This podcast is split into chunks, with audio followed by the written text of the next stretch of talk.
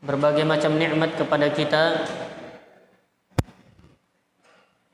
yang kita dikumpulkan di tempat mubarakah ini di dalam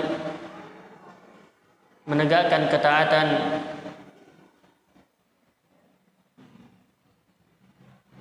tunduk merendah di hadapan Allah Subhanahu wa taala.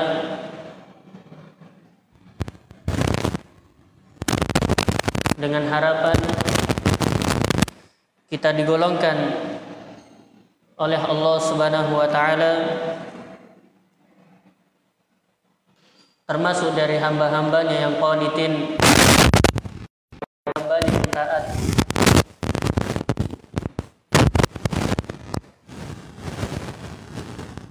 dan demikian pula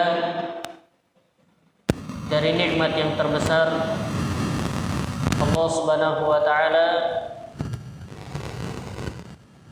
memberikan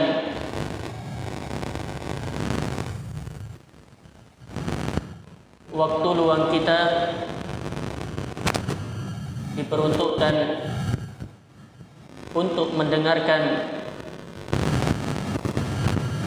tentang ilmu agama Allah Subhanahu wa taala.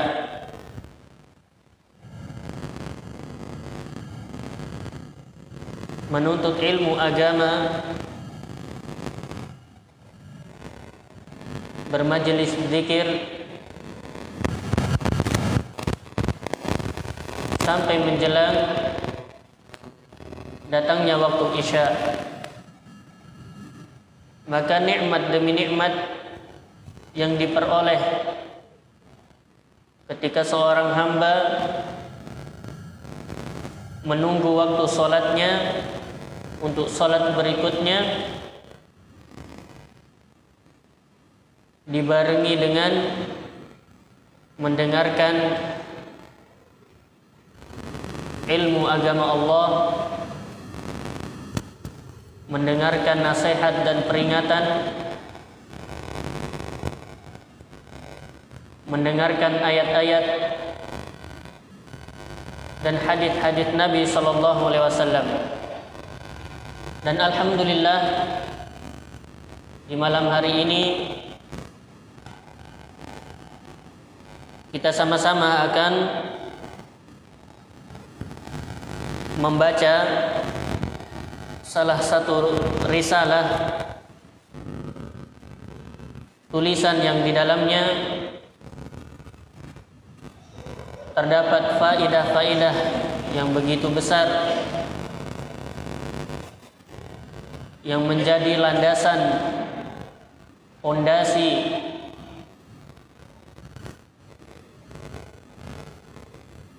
agar menjadi pegangan bagi setiap muslim dan muslimah.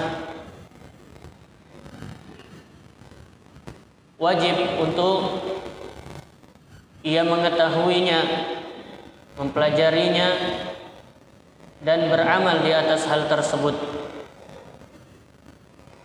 Kita akan membaca suatu tulisan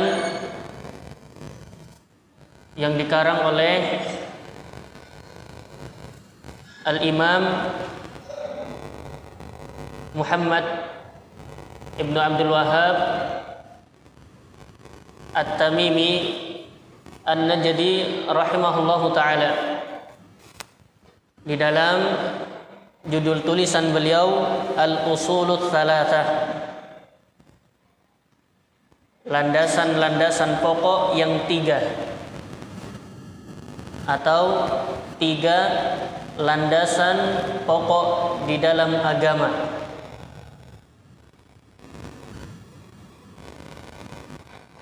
Tentunya di dalamnya beliau akan memaparkan pokok-pokok permasalahan yang paling mendasar yang seharusnya seorang hamba muslim dan muslimah berjalan di atas hal tersebut. Karena ini yang akan menyelamatkan kehidupannya baik di kehidupan dunia di alam barzakh dan akhirat. Kita akan mengkaji sedikit demi sedikit dari awal pembahasan. Semoga Allah Subhanahu wa taala memberikan pemahaman kepada kita sehingga kita bisa mengilmuinya, memahaminya dan beramal di atasnya. Kaum muslimin dan muslimat rahimani wa rahimakumullah. Kata beliau, Bismillahirrahmanirrahim. I'lam rahimakallah annahu yajibu alaina تعلم أربع مسائل. الأولى العلم وهو معرفة الله ومعرفة نبيه ومعرفة دين الإسلام بالأدلة. الثانية العمل به. الثالثة الدعوة إليه. الرابعة الصبر على الأذى فيه.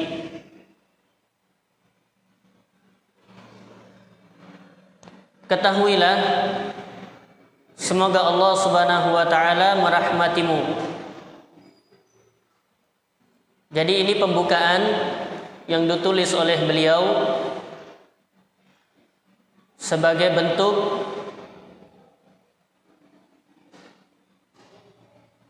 peringatan perhatian terhadap orang-orang yang ingin belajar. Ketika disebutkan kata i'lam maka maknanya adalah ta'allam. Ilmuilah. Wajtahid fil ilm. Bersungguh-sungguhlah di dalam ilmu tersebut. Nah ini maknanya. Ketika disebutkan i'lam. Ilmui betul-betul rahimakallah. Semoga Allah Subhanahu wa taala merahmatimu. Ini dari perangai baik beliau rahimahullahu taala dari sifat lembut beliau terhadap para penuntut ilmu yang di mana kebiasaan beliau adalah mendoakan mereka Di sini beliau mendoakan agar Allah Subhanahu wa taala memberikan rahmat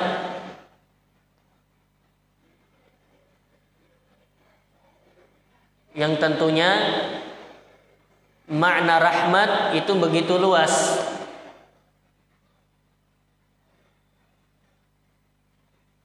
Disebutkan Allah Subhanahu wa taala memberikan rahmatnya aflaha wa sa'ida. Memberikan keberuntungan dan kebahagiaan. Wa nala khairat dunya wal akhirah. Ia mendapatkan kebaikan di dunia dan akhirat. Itu rahmat. Kebaikan nikmat anugerah keselamatan kebahagiaan keberuntungan. Maka ini seluruhnya adalah rahmat Allah Subhanahu wa taala.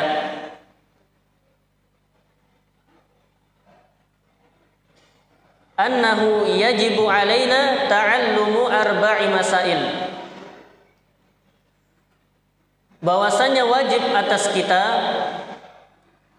untuk mengilmui mengetahui empat permasalahan empat perkara jadi di sini beliau masih memberikan pendahuluan di dalam tulisannya. Sebelum masuk ke tiga landasan yang pokok sebagaimana judul tulisan beliau Al-Usulul Thalatha, tiga landasan pokok, beliau mendatangkan ya pendahuluan-pendahuluan. Ada perkara-perkara yang harus kita ilmui, harus kita ketahui Di sini beliau akan sebutkan empat perkara yang harus kita ketahui. Apa itu? Al-ula al-ilmu. Yang pertama adalah ilmu.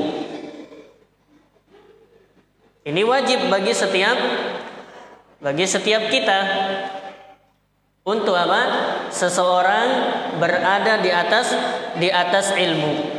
Wal ilmu minhu ma huwa fardun ain ala kulli mukallifin wa minhu ma huwa fardun kifayah. Disebutkan oleh Syekh Abdurrahman bin Nasir Al-Barrak fidhullah taala ilmu itu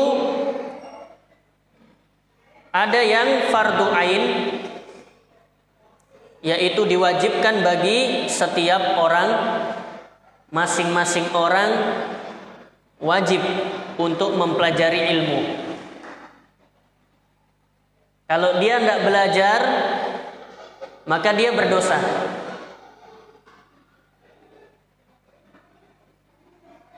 Dan termasuk dari tiga landasan pokok yang beliau akan bahas di tulisan ini, di buku ini, itu menjadi fardu ain bagi setiap setiap muslim, bagi setiap kita. Tidak bisa diwakilkan.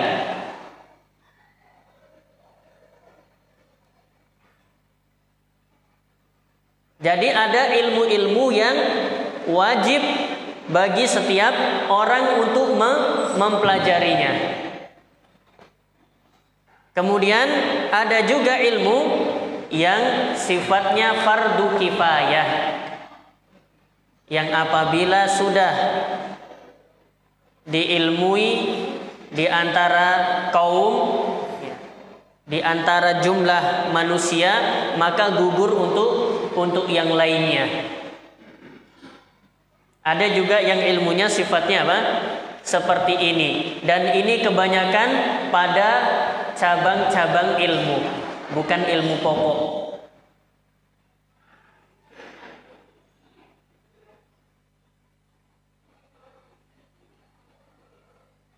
Mengilmui ilmu tajwid misalnya fardu kifayah.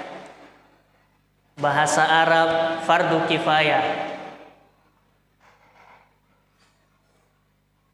Tapi di dalam ilmu-ilmu pokok kita kasih gambaran ilmu pokok yang harus diketahui yang paling minimalnya adalah apa? Lima rukun rukun Islam. Mulai dari syahadat, salat, zakat, puasa, haji. Ini lima perkara ini wajib setiap muslim untuk mengilmuinya. Tidak bisa diwakilkan. Tidak bisa gugur dengan apa? Dengan adanya orang lain yang mengilmui hal tersebut. Dipahami ya? Jadi ilmu ada yang sifatnya fardu ain, ada sifatnya fardu fardu kifayah.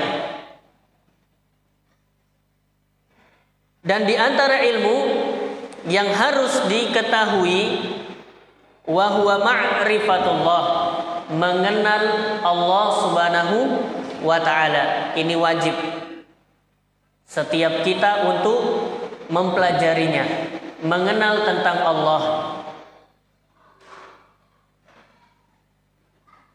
Mengenal hak-haknya Allah,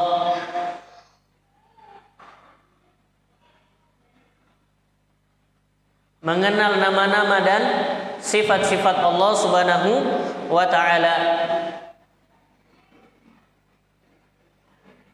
Kemudian kata beliau wa ma'rifatu nabiyih mengenal nabinya. Mengenal nabi Allah Subhanahu wa taala yaitu nabi kita Muhammad sallallahu alaihi wa ala alihi wasallam dan mengenal nabi kita adalah perkara perkara yang wajib harus kita ilmui. Siapa nabi kita? Apa yang menjadi tugas nabi kita? Apa keharusan kita terhadap nabi kita? Ini apa? Harus kita ilmui dan pelajari. Kemudian wa ma'rifatu dinil islami bil adillah. Mengetahui atau mengilmui agama Islam dengan dalil-dalilnya. mengenal agama kita, agama yang kita peluk, agama yang kita anut. Ada yang semenjak kecil, ada yang mungkin ya, dewasa yang sebelumnya berada di agama ya, selain Islam. Maka dia apa? Maka dia harus mempelajari, mengilmui tentang agama agama Islam. Taib. Wahadihil ma'arif as-salatah. Maka uh, ilmu yang tiga tadi mengenal Allah, mengenal nabinya dan mengenal agama Islam hiyal usulut salatah. Itulah yang dimaksudkan dengan usul yang tiga. Tiga landasan pokok yang dijadikan tema buku ini, tulisan ini. Allati saya takallamu anha syekh ijmalan wa tafsilan.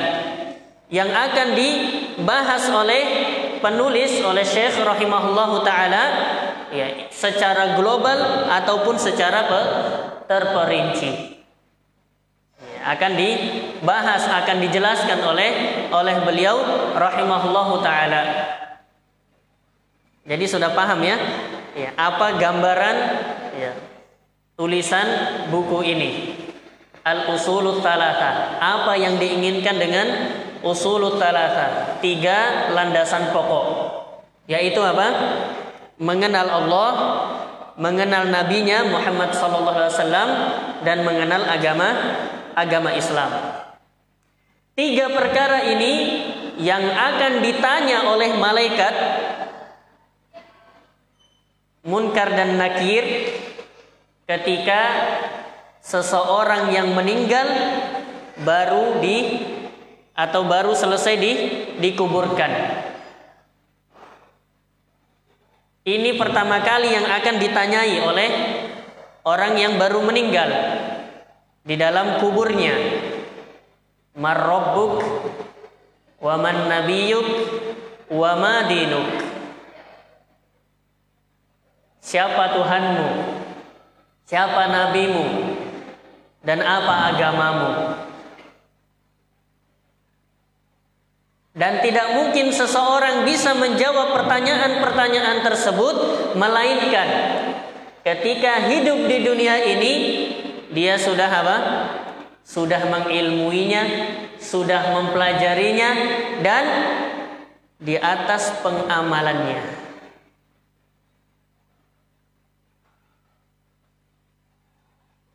Dipahami ya? Karena disebutkan di dalam hadis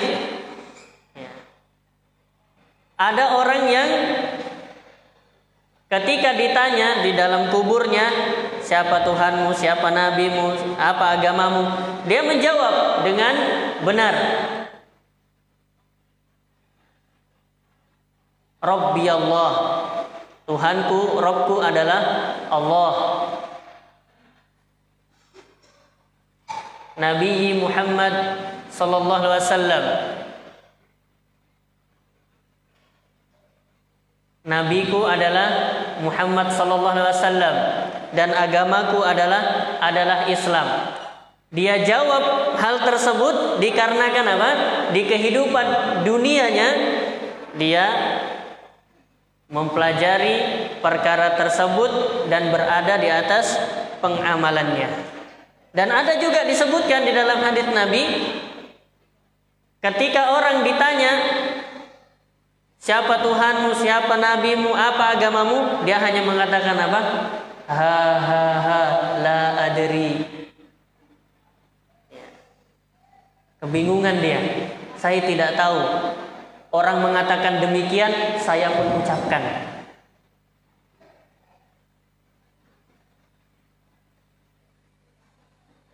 Ah, jadi ini menjadi apa? Menjadi upaya dan usaha kita di dalam mempelajari al-usul talata, tiga landasan pokok ini mudah-mudahan menjadi apa? Menjadi sebab yang bisa menjadikan kita mampu menjawab pertanyaan di alam kubur nanti. usaha sekarang, upaya kita sekarang. Ini menjadi apa? Menjadi sebab kita bisa menjawab pertanyaan di alam di alam kubur nanti. Makanya Syekh di sini langsung apa menekankan ada empat perkara yang wajib untuk kita ketahui. Karena yang pertama kita harus kenal usul talata, tiga landasan pokok yang ini menjadi penentu di dalam kubur kita, apalagi di akhirat. Karena di alam kubur ini yang ditanya, kalau berhasil ia jawab,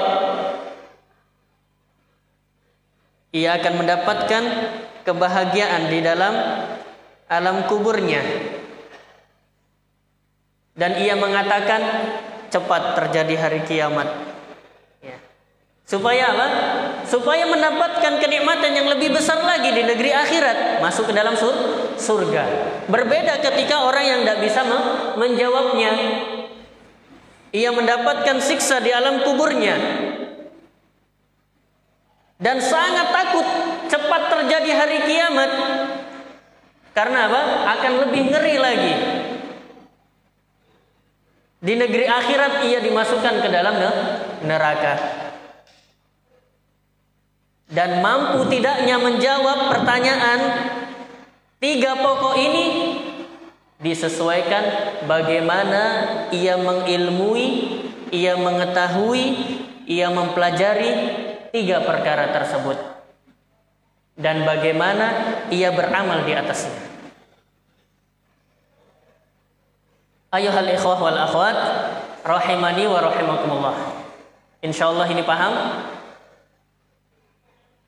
Yang kedua kata beliau yang wajib untuk kita ketahui al-amalu bih beramal dengan ilmu tersebut.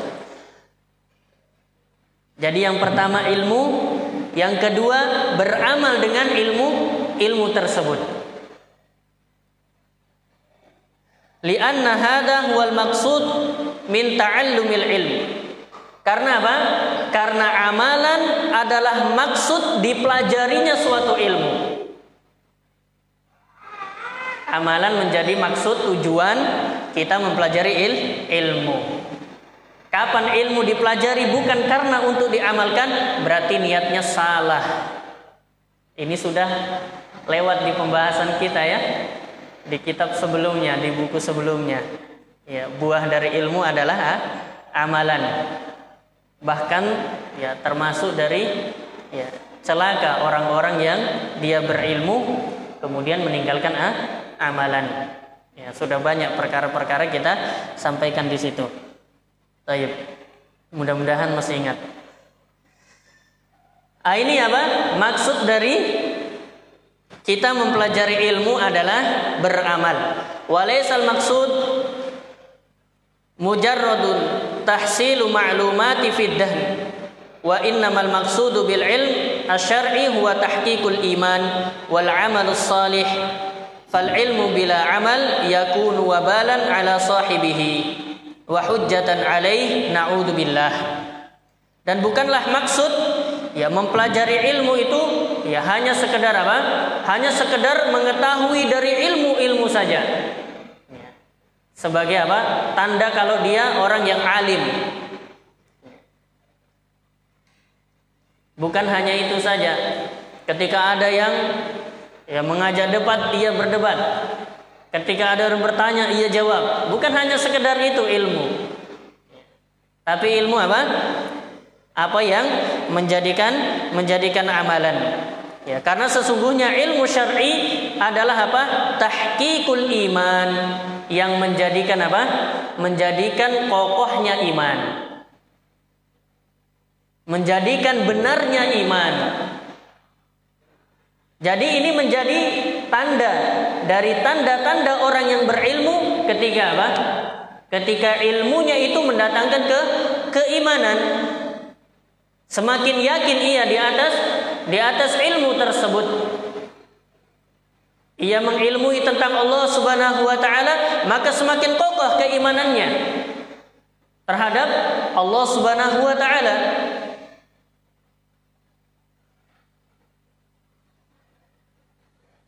Wal amalus salih dan beramal dan beramal salih. Jadi ilmu mendatangkan apa? Mendatangkan amalan amalan salih. Karena sesungguhnya ilmu yang tidak diamalkan itu menjadi apa? Menjadi bencana untuk dirinya. Dan menjadi hujah atasnya. yang disebutkan di dalam hadis Nabi Al-Qur'anu hujjatul laka au alaik. Jadi bukan orang yang tidak berilmu saja celaka, orang yang berilmu juga ada yang ber, ada yang celaka. Karena disebutkan oleh hadis Nabi Al-Qur'an itu bisa menjadi hujjah bagimu yaitu menjadi penolong, penyelamat. Ya. Tapi sebaliknya juga bisa menjadi perkara yang membinasakan, merugikan dan lain sebagainya. Bahkan termasuk adab yang sangat pedih didapatkan di hari kiamat nanti dari siksaan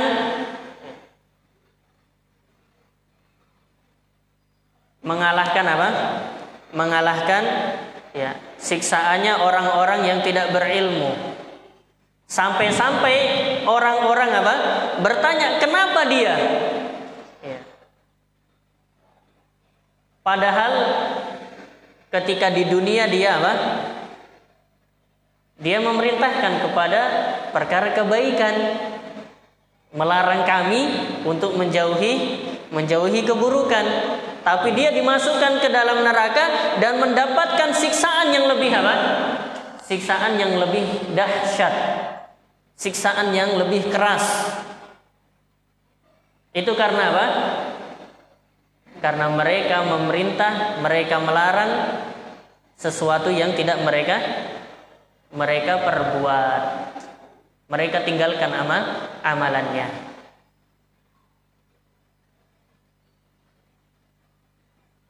Jadi ilmu harus senantiasa apa?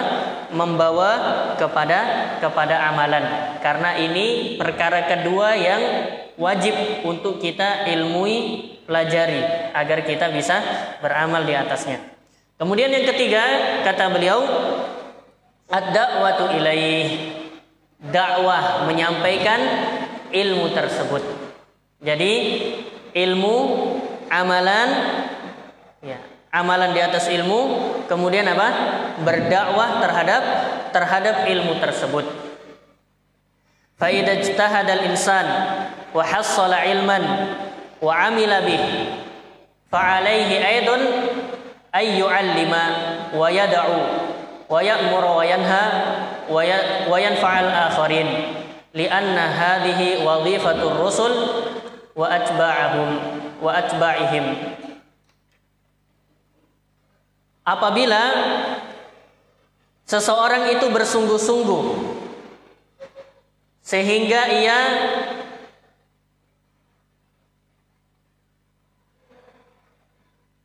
mendapatkan ilmu dia diberikan titipan. Ya, ilmu itu titipan pemberian dari Allah Subhanahu wa taala. Ya, tidak ada Seseorang yang mendapatkan ilmu dikarenakan usahanya sendiri, karena kecerdasannya, tapi ilmu didapatkan itu pemberian dari Allah Subhanahu wa taala yang diberikan kepada siapa yang dikehendaki. Jadi ketika kita diberikan titipan ilmu. Hendaknya kita banyak bersyukur kepada Allah Subhanahu wa taala. Dan jangan sampai ilmunya tersebut menjadikan dirinya bangga, ujub sehingga merendahkan yang lainnya. Jadi ketika seseorang ia diberikan ilmu. Ia mengetahui dari dari ilmu. ia beramal dengannya, maka wajib atasnya juga apa?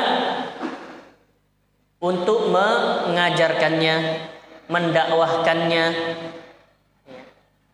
Ia mengajak kepada perkara kebaikan, melarang dari perkara keburukan.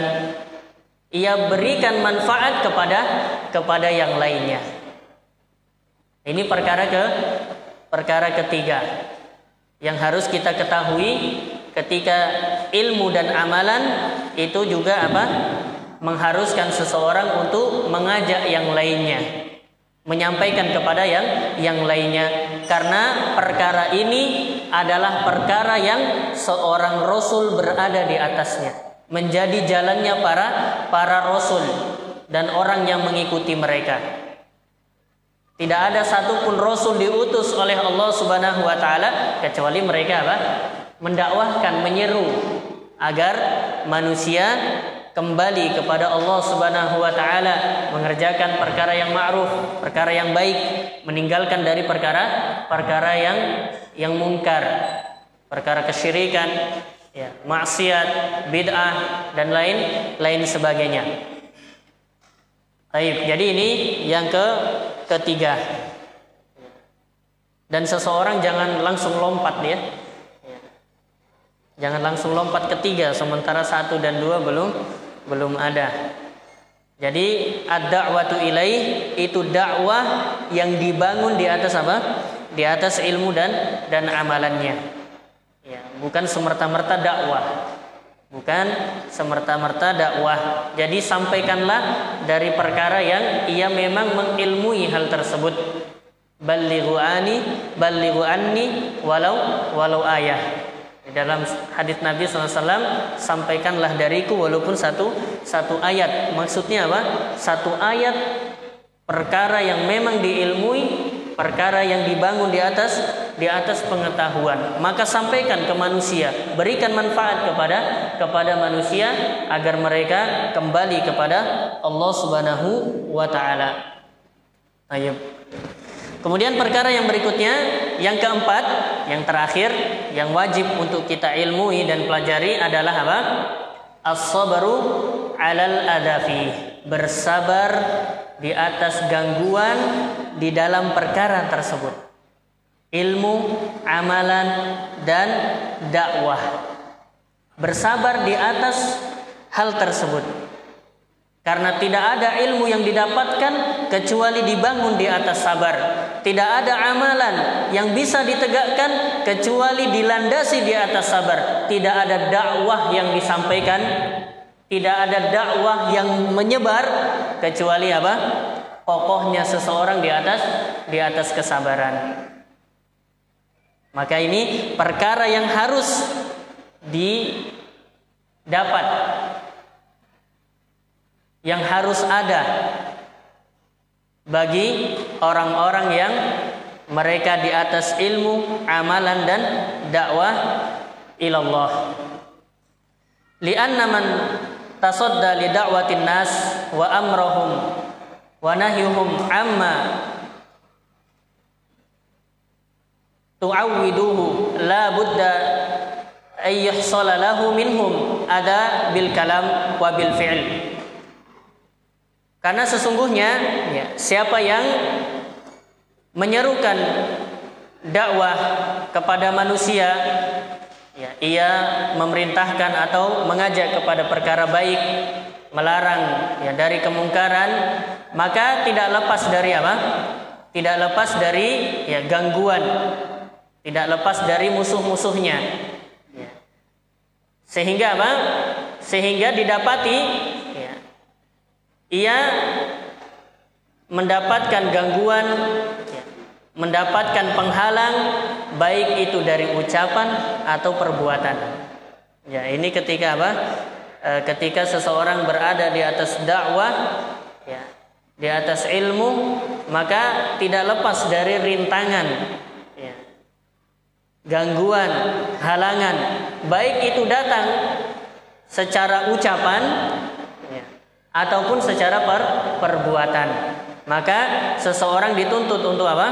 Untuk bersabar di atas di atas hal tersebut. Dan ini sudah apa? Sudah didapati oleh nabi-nabi terdahulu bahkan nabi kita Muhammad sallallahu alaihi wasallam yang apabila kita lihat bagaimana yang menimpa Nabi kita Muhammad SAW tidak ada apa-apanya, rintangan, halangan, ya gangguan yang kita dapatkan ya di masa kita sekarang di dalam menyebarkan apa? Menyebarkan ilmu. Tidak ada apa-apanya. Makanya di dalam Al-Quran Rasulullah SAW pernah dihibur oleh Allah Subhanahu Wa Taala ketika mendapatkan gangguan, halangan, rintangan di dalam di dalam dakwah beliau. Di dalam surah Al-An'am disebutkan walaqad kudzibat rusulun min qablik fasabaru ala ma kudzibu wa udu hatta atahum nasruna. Dan sungguh wahai Muhammad rusul-rusul terdahulu sudah didustakan. Rusul-rusul sebelum engkau terdahulu yang mereka berdakwah juga mengajak kepada kebaikan, melarang dari kemungkaran, mereka juga didustakan oleh apa? Oleh kaumnya. Apa yang mereka lakukan? Fasobaru, mereka bersabar. Bersabar di atas hal tersebut. Fasobaru ala makudzibu wa udu mereka bersabar ya, terhadap apa yang mereka dustakan. Ya.